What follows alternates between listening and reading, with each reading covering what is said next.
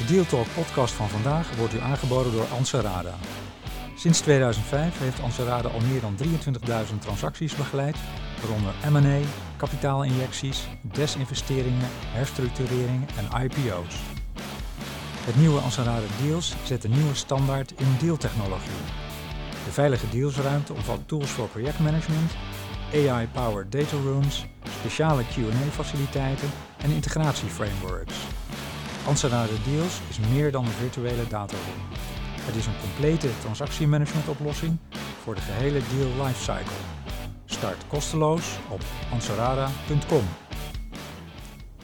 Welkom bij Deal Talk, de podcast over fusies en overnames. Mijn naam is Jan-Jaap Omvlee en vandaag de gast is Kees Slump, associate partner bij EY M&A. Kees, wil je jezelf kort even voorstellen?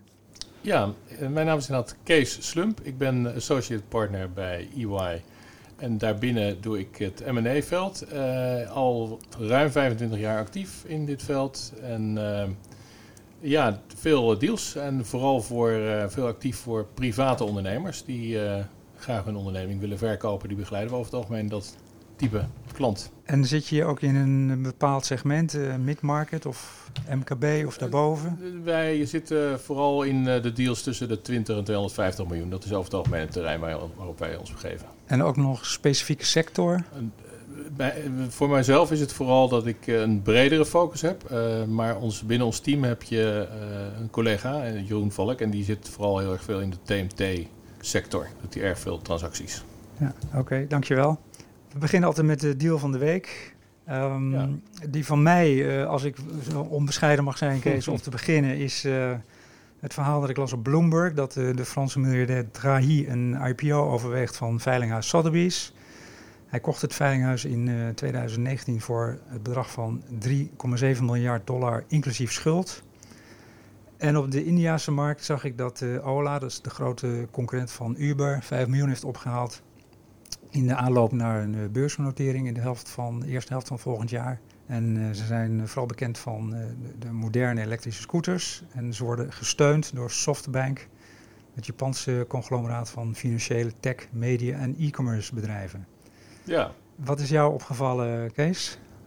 Nou, er vallen altijd elke week deals op, maar grappig genoeg, de deal die het meest in het oog springt, wat mij betreft, deze week, is toch echt wel het coalitieakkoord. Aha. Uh, na negen maanden, wat dat betreft, is er best wel een vergelijking met uh, het broeden op een normale deal in een M&A-wereld. Want dat duurt ook vaak tussen de 6 en 12 maanden.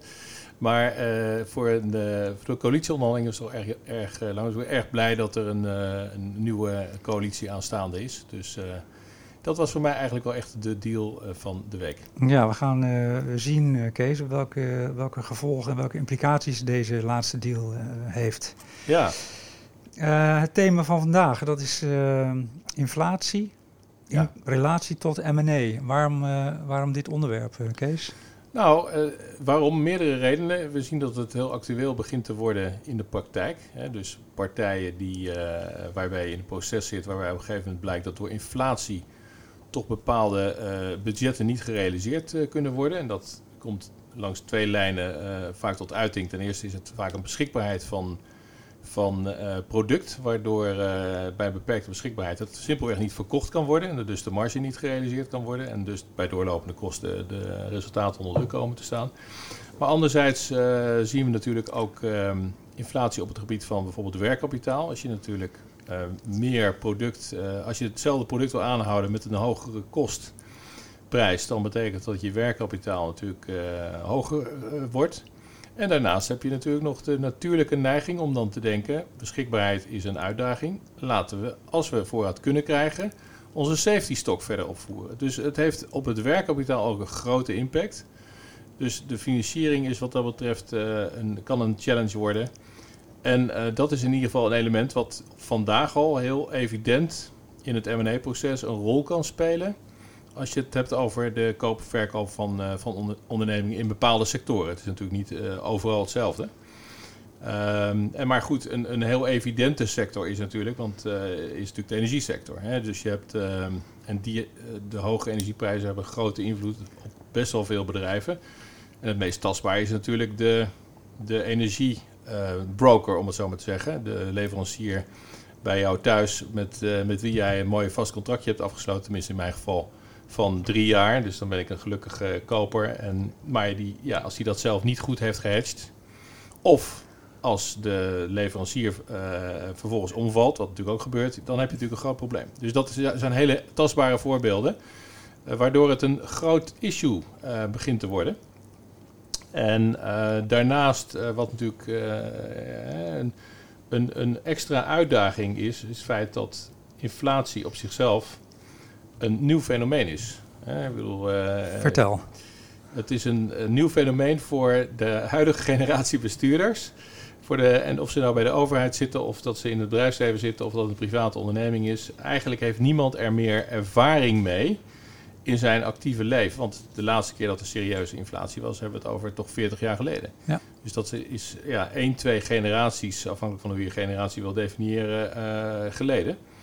En uh, dus dat is ook een, uh, iets wat, wat, wat natuurlijk een belangrijk meeweegt in dit, ehm, in dit verhaal. er is geen, geen ervaring, dus ja, hoe gaan we ermee om? Dus ja. wat is het überhaupt? Kun je schetsen hoe de inflatie er 40 jaar geleden uitzag? Uh, ja, nou ja, ik ben inderdaad, je hebt je goed ingeschat, uh, Jan Jaap. Ik ben wat ouder. Dus, uh, dat, dus inderdaad, 40 jaar geleden was ik ook al, liep ik ook al rond en was ik 18, of, rond de 18. Dus wat dat betreft had ik zeker vanuit de interesse die ik voor de economie ook op die leeftijd al had, Um, uh, daar zeker, uh, zeker gevoel bij. Alleen die inflatie was toch heel anders dan deze inflatie. werd namelijk ook gewoon op een gegeven moment aangejaagd, ook door hogere energieprijzen om mee te beginnen, de oliecrisis. Maar uh, vervolgens was er natuurlijk sprake van zeer hoge rente, die heel veel bedrijven in moeilijkheden bracht. en daarnaast hadden we natuurlijk een hele duidelijke uh, een, een loonprijsspiraal waar we in belanden, waardoor het uh, in feite uh, we steeds verder in het moeras belanden. Ja, de inflatie van vandaag heeft ogenschijnlijk wel hele andere kenmerken. Die is heel erg aanbodgedreven. dus schaarste gedreven. Je zou kunnen zeggen eigenlijk heel erg traditionele economie gedreven. Want we zijn natuurlijk altijd opgegroeid met schaarste. Schaarste was de basis van, van de economie. Schaarse goederen. Nou, daar worden we nogal nadrukkelijk mee geconfronteerd nu. En uh, wat er dan gebeurt is dat de prijzen stijgen.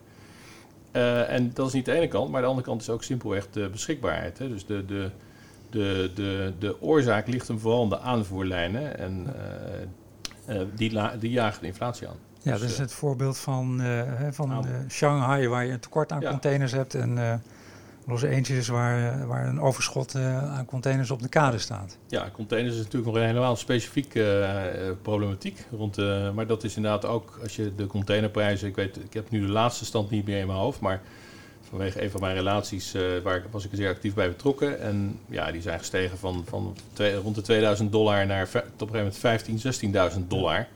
En dat heeft natuurlijk enorme impact als je veel spul uit het Verre Oosten haalt. En zeker als het spul ook nog volumineus is. Dus, uh, dus dat, uh, dat is zeer kostprijsverhogend. En kun je het dan doorzetten naar je afnemer? Dat is de grote vraag en de uitdaging voor, uh, voor heel veel ondernemingen. Ja, en wat moeten we doen om ehm, die inflatie te breken die, of, of stop te zetten? Dat kan toch alleen de ECB doen? Nou ja, dat is inderdaad de, de politieke kant van de zaak. Dus ja, dat, ik geloof, ik weet niet of we daar in de deal talk heel diep op in moeten gaan. Maar in ieder geval, uh, ja, kijk, hoe je dat uh, kunt doorbreken. Uh, in ieder geval denk ik dat het niet helpt dat inderdaad de markt nogal blank staat van de liquiditeit. om het zo maar even te zeggen. Dus dat, dat, dat jaagt natuurlijk, hè, dus, dus alles wat er is, is voldoende geld. Dus je biedt je maar gauw en dan heb je het in ieder geval. Dus dat drijft natuurlijk extra op als het vervolgens Stel dat de rente zoals in begin uh, jaren 80, uh, eh, eind jaren 70 rond de 10% of, of zelfs hoger zou zijn, hè, extreem gesteld, dan zou je natuurlijk een heel andere uh, situatie krijgen tussen het spel tussen, tussen, tussen prijs, geld en, en, en, en product en aanbod. Dus dat, hè, dat, dat heeft natuurlijk invloed. Ja. Maar, uh, maar inderdaad, dat. dat is het niet zo dat de, als de ECB het geld duurder maakt, dat er dan minder geleend wordt en meer gespaard? over de ECB kun je natuurlijk van alles vinden. En dat vind ik zelf ook wel. Uh, maar uh, kijk, op dit moment is natuurlijk, dat is geen, dat is geen bold statement. Het geld is natuurlijk gewoon te laag geprijsd. Hè? Dus de rente is natuurlijk te laag. Zeker ja. voor een economie die heel goed draait à la de Nederlandse. En, en dan zie je dat, ja, dat, dat, dat te veel de prijzen, dat, dat jaagt de prijzen natuurlijk extra aan. Dus, maar ook daarvoor geldt, het is, het is niet alleen rente, maar ook beschikbaarheid. Dus liquiditeit in de markt. En dat is wel goed dat de ECB nu in ieder geval heeft aangekondigd om die, dat de, de, de ruimte van het monetaire beleid, dus het, het opkoopprogramma, om dat in ieder geval af te bouwen. Daar ben ik wel, dat, ik denk dat dat een goede stap is. Zie jij uh, een einde aan die, aan die inflatie of zitten we nog middenin? Ik denk dat we er moment helemaal middenin zitten. En het is altijd moeilijk te voorspellen wanneer iets eindigt. Ik weet dat bankiers daar prachtige rapporten over schrijven en die, hebben daar hele mooie studies naar. En de ECB is zelf ook heel optimistisch over dat het allemaal tijdelijk is. We zullen het zien. Dus ehm, eh, als het over 6 tot 12 maanden weer voorbij zou zijn, dan zal iedereen zeggen: waar hadden we het ook weer over?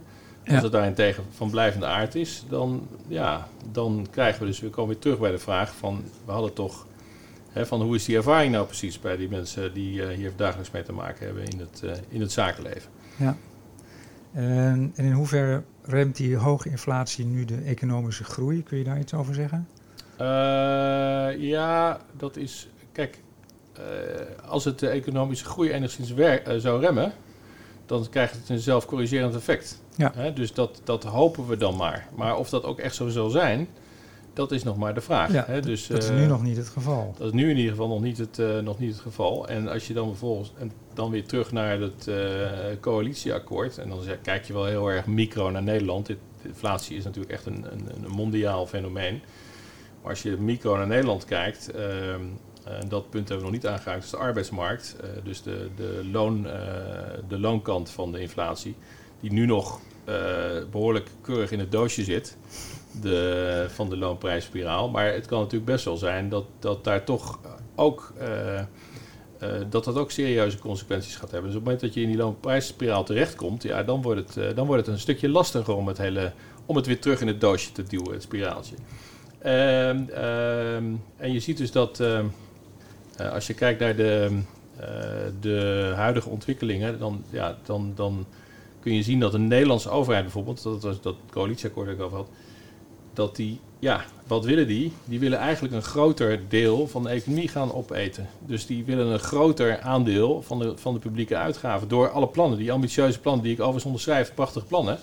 Alleen om ze uit te voeren, uh, ja, moet ergens, moet het gebeuren. Ten, ten, ten, ten, dat zal niet direct de private sector aanjagen. Jawel, maar niet uh, het aandeel van de overheid doen, doen, doen, doen groeien. Daar waar er al een behoorlijke krapte op die arbeidsmarkt is. Dus daar zie je dat die prachtig mooie, ambitieuze plannen, die zijn heel, heel interessant. Alleen die komen wel op een heel ongelukkig moment uh, qua, economische, uh, qua economische groei. Omdat die groei al zo, in, dat, die economie draait al zo heel erg goed. Dus dat, dat wordt ook nog extra uitdaging. Verwacht je dat er bijvoorbeeld loonstijgingen zullen komen? Nou ja, kijk, als de prijzen daadwerkelijk blijven stijgen, dan betekent dat het besteedbaar inkomen van mensen daalt als, de, als hun lonen niet stijgen ja, hoe lang zal men, als, als men bestaat, hoe, zal, hoe lang zal men dat accepteren? Hè? Dat is natuurlijk, uh, ja, op een gegeven moment gaat het natuurlijk gewoon komen. Ja. En het gebeurt natuurlijk ook al op kleinere, ja, niet op CAO-schaal zozeer, maar zeker in, in, in kleinere verbanden. Ik bedoel, je ziet natuurlijk salarissen hier en daar toch echt wel uh, behoorlijk oplopen. Dat hoor ik ook van, van klanten van mij. Ja, ik roep altijd dat, dat de lastendruk in Nederland te hoog is hè, door de directe en indirecte belastingen. En dat voelen mensen ook uh, in de portemonnee, alleen het is alsof dat in politiek Den Haag niet bestaat. Nee, nee. Dus dat, uh, dat nou ja, goed. ik geloof dat er in politiek Den wel enig gevoel is, bij, ook wel voor, voor lastendruk. Maar het, het idee dat, je het al, dat het allemaal maar eventjes geregeld kan worden en we lossen het op door er 5 miljard tegenaan te gooien, ja, dat is natuurlijk, dat werkt natuurlijk niet helemaal zo.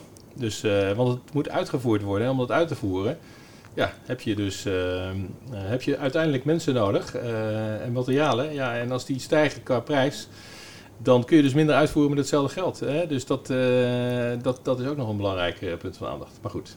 Ja, even terug naar de M&A-markt. Ja, je had het wel heel erg maken. Je had, je had het over de, de, de, moeite die het kost om je financiering rond te krijgen. Hoe, Kun je dat toelichten? Nou, ik heb denk ik niet gezegd dat het moeite is om een financiering rond te krijgen. Ik, ik heb aangegeven dat een van de effecten van inflatie ook is dat je een hogere financieringsvraag krijgt.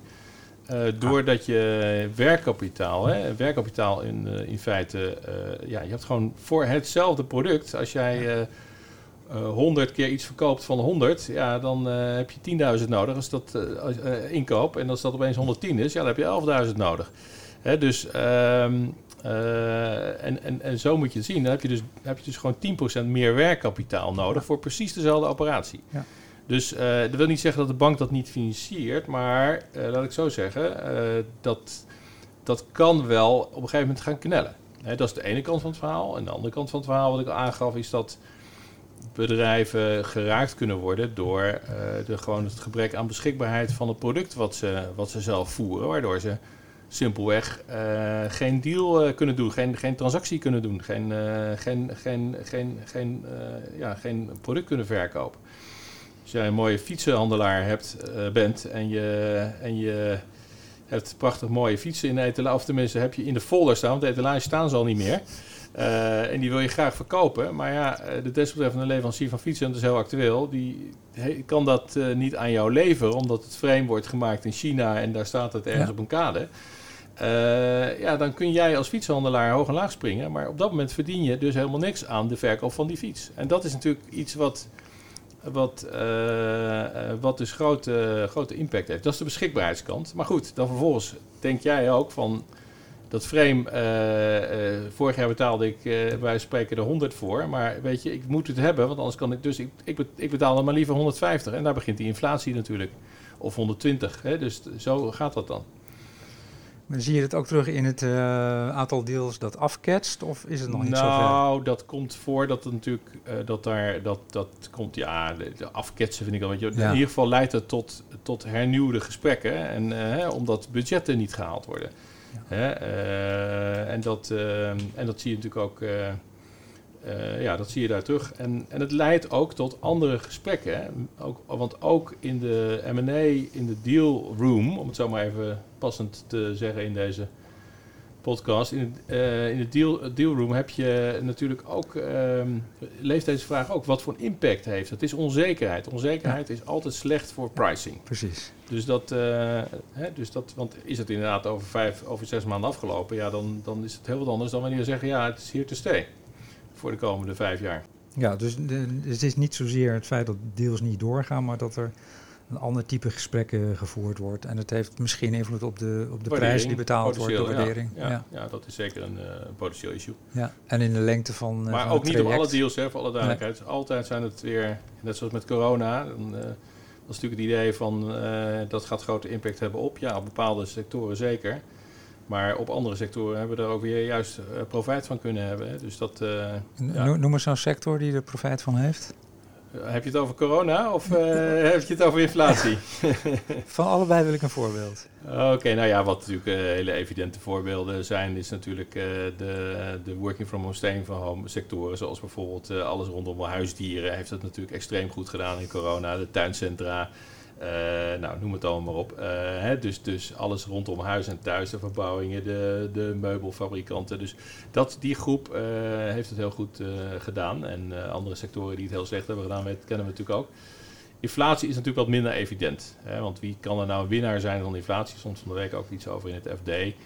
Ik denk dat er, dat er het winnaar van inflatie kan zijn partijen die Hè, uh, als voorbeeld werd genoemd in het FD uh, bijvoorbeeld Netflix. Ja, waarom? Die kan de prijzen natuurlijk vrij makkelijk verhogen. Want ja, er zijn niet zo heel veel alternatieven. Er zijn er wel, maar mensen willen, blijven toch makkelijk in zo'n abonnement hangen.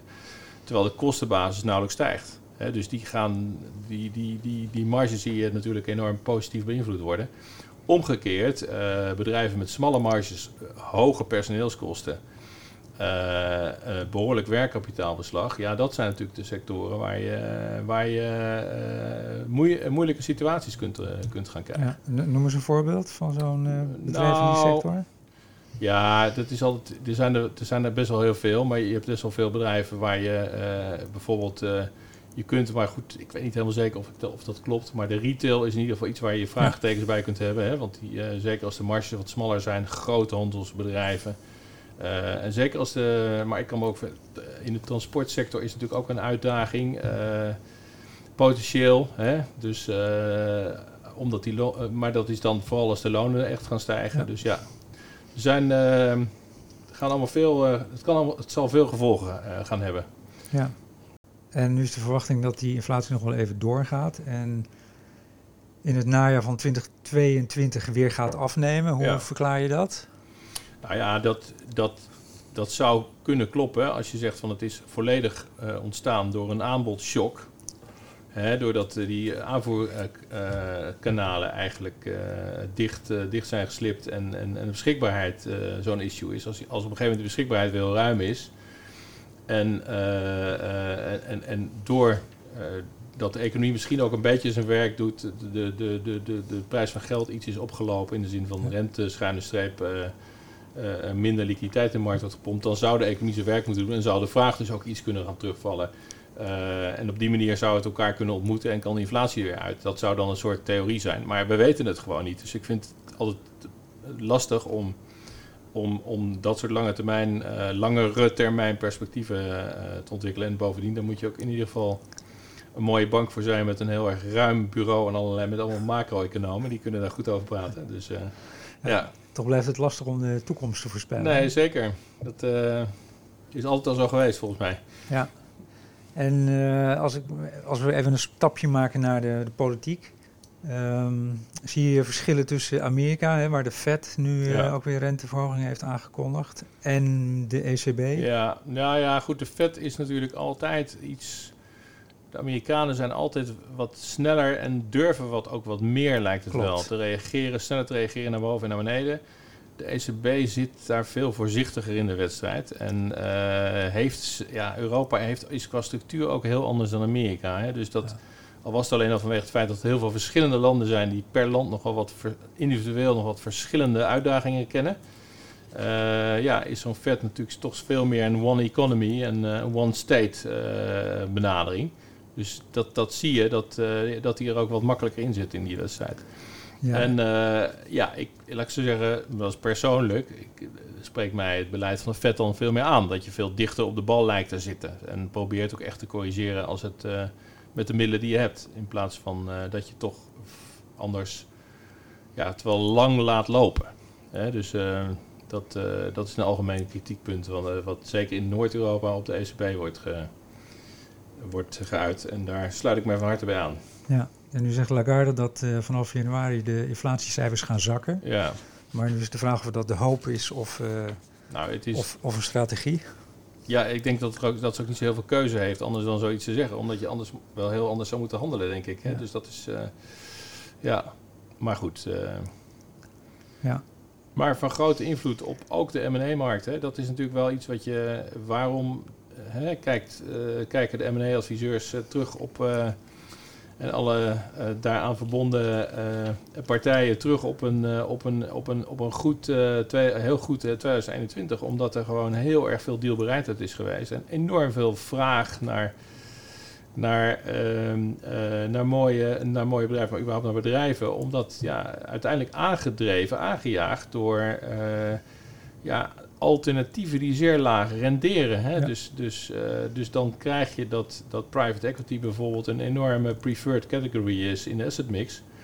Dus, uh, maar ook uh, grote corporates denken van ja, ik heb hier die cash op, op de balance sheet staan. ik kan het maar beter inzetten om een bedrijf over te nemen en, en mijn aandeelhouders wat dat betreft te plezieren. Dus dat zie je, dat heeft dat, dat lage geprijsde, dat goedkope geld uh, met lage rente, of, hè, dat, dat jaagt natuurlijk toch enorm de M&A-activiteit aan. Ja. Dus, uh, Hebben private equity, equity bedrijven het heel goed gedaan het afgelopen jaar? Ja, de, je kunt natuurlijk nooit helemaal, helemaal precies uh, zien hoe goed of hoe slecht ze het doen. Maar ik, ze zijn in ieder geval heel actief. Dat merken we. En uh, waarom? Omdat ze natuurlijk uh, graag zaken willen doen. Ze willen graag geld aan het werk zetten. Want dat geld, dat krijgen ze tenminste voor zover het structuur is met fondsen, natuurlijk van hun limited partners. En dat moeten ze aan het werk zetten. Dat is hun doel. Niet om het, want anders kan het wel ergens anders op een bank blijven staan. En, en, en, en je ziet dus, daar waar, laten we zeggen, tien jaar geleden dat echt nog veel minder voorkwam, nu duidelijk een trend dat uh, private equity ook echt op pad gaat en bedrijven bij belletje, belletje gaat trekken bij bedrijven. En dat is, uh, dat is echt, uh, want als, je bij een, als ik bij een nieuwe cliënt of een nieuwe relatie over de vloer kom, ja, dan is het eigenlijk, nou ik wil zeggen niet standaard, maar wel bijna standaard dat er één of meerdere of zelfs heel veel meerdere private equities wel op de stoep hebben gestaan. Ah. En, dat, en dat is ook logisch. Ik bedoel, dus dat actieve beleid, dat, dat zie je, dat is duidelijk. Maar het is niet specifiek voor dit jaar hoor, dat is al langer gaande. Maar ja, daar zit denk ik een. Uh, dus private equity als, als duidelijk overtuigende extra kopersgroep, ook wel verkopersgroep, maar kopersgroep. ja, jaagt dat natuurlijk extra aan. en, en private equity koper is natuurlijk van, is een heel ander type koper dan corporate. Dat hou ik mijn, mijn cliënten ook altijd voor. Hè? Dus, dus private equity is natuurlijk in basis altijd snel geïnteresseerd om iets te, te bekijken, te onderzoeken. En een corporate is vaak veel kritischer bij de voordeur, maar als ze echt willen, dan willen ze ook echt doorpakken. Ja, dan, uh, dan maakt de prijs niet zoveel uit hè, als het een strategische fit is. Nee, die goed dus, past uh, in de portefeuille. Ik heb zelf een mooie deal gedaan, verkoop van ECC aan, aan Barry Callebaut een aantal maanden geleden. De grote chocolade, wereldwijde grootste chocoladeproducent. En dat was een bedrijf dat overigens in België is gevestigd met Nederlandse aandeelhouders, maar die uh, dan zag je dat dat een, een perfect strategic match was. Ja, dan uiteindelijk wil je er altijd uitkomen. Hè? Dus dat, uh, dat is niet altijd makkelijk, maar dan zie je een enorme drive om er echt uit te willen komen. Ja. Dus, en dan, uh, ja, dus dat, dat, is wel, dat vind ik zelf ook altijd hele mooie deals om te zien dat die, als je met elkaar zit te praten en je kijkt eigenlijk allebei tegen enorme bergen euro's aan die de combinatie gaat opleveren, dat is altijd een mooi vertrekpunt. Mooi. nu, nu was 2021 ook het jaar van de specs. Ja. En de grote populariteit, eh, voor sommigen een, een doorn in het oog. Um, gaat die inflatorendruk gaat die ook nog van invloed zijn op uh, de populariteit van de spec? Ja, dat vind ik lastig te zeggen. Kijk, een spec is natuurlijk überhaupt een apart dier. We hebben er in Europa een, een, aantal, maar het is vooral natuurlijk in de US zijn het er gigantisch veel. Ik honderden. Mm -hmm. ja. uh, natuurlijk een, het, is, het, is, het is een apart model dat je in feite binnen afzienbare tijd, uh, van over het algemeen twee jaar volgens mij, uh, een deal moet doen. Uh, ja, en anders dan heb je een probleem. ja, het is natuurlijk, het, het, is een beetje, het is, het is denk ik iets wat heel erg samenhangt met, met die situatie van een, over, een, een overvloed aan liquiditeit in de Precies. markt. En, en ik denk als dat weer wat weggaat, zullen dit soort dingen als ook van het toneel weer langzaamaan verdwijnen, verwacht ik. Ja. Dat, uh, dat, uh, Durf je een, uh, een voorspelling te doen voor het komende jaar op het gebied van M&A-activiteit? Ja, dat is altijd heel erg lastig. Dat weet er ik. zijn al mensen die zich daar... je kunt je daar wagen. Kijk, ik denk, als ik het zo inschat, is dat, dat er... dit gaat niet allemaal morgen veranderen. Dus die inflatie blijft zeker, denk ik, maar ook de bereidheid om zaken te doen, uh, hè, omdat er toch nog heel veel liquiditeit in die markt blijft zitten, die blijft ook gewoon uh, aanwezig. Dus dat zijn goede fundamenten. Uh, aan de andere kant verwacht ik, ja, dit was natuurlijk wel een extreem goed jaar. Dus laat ik zo zeggen, zie je dan 22 nog weer hoger eindigen, dat lijkt bijna niet mogelijk. maar we weten het niet.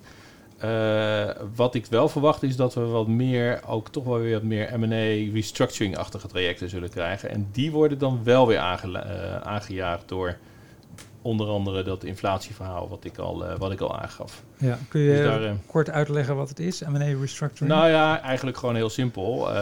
dat zijn bedrijven in moeilijkheden, waarbij op een gegeven moment hè, door, door financieringsuitdagingen of andere uitdagingen, managerial uitdagingen, en dan kan zo'n bedrijf, de uitkomst van zo'n situatie kan zijn dat het bedrijf verkocht wordt. Uh, en dat is dan vaak een toch atypisch traject, omdat het relatief mhm. snel en, en het extreme geval, we hebben zelf uh, vorig jaar heb ik bijvoorbeeld ook iets uit een faillissement uh, doorstart verkocht.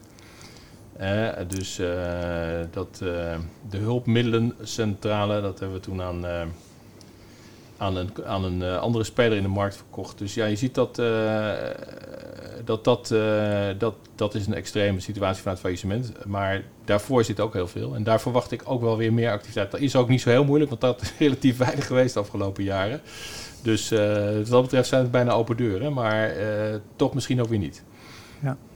Dankjewel Kees. Ik ben veel wijzer geworden en hopelijk de luisteraars ook. Mooi. En uh, over een jaar dan uh, spreken we elkaar. Dan gaan we kijken of je gelijk hebt gehad. Heel goed. Da dankjewel voor je komst. Ja, fijne feestdagen. Iets gelijks.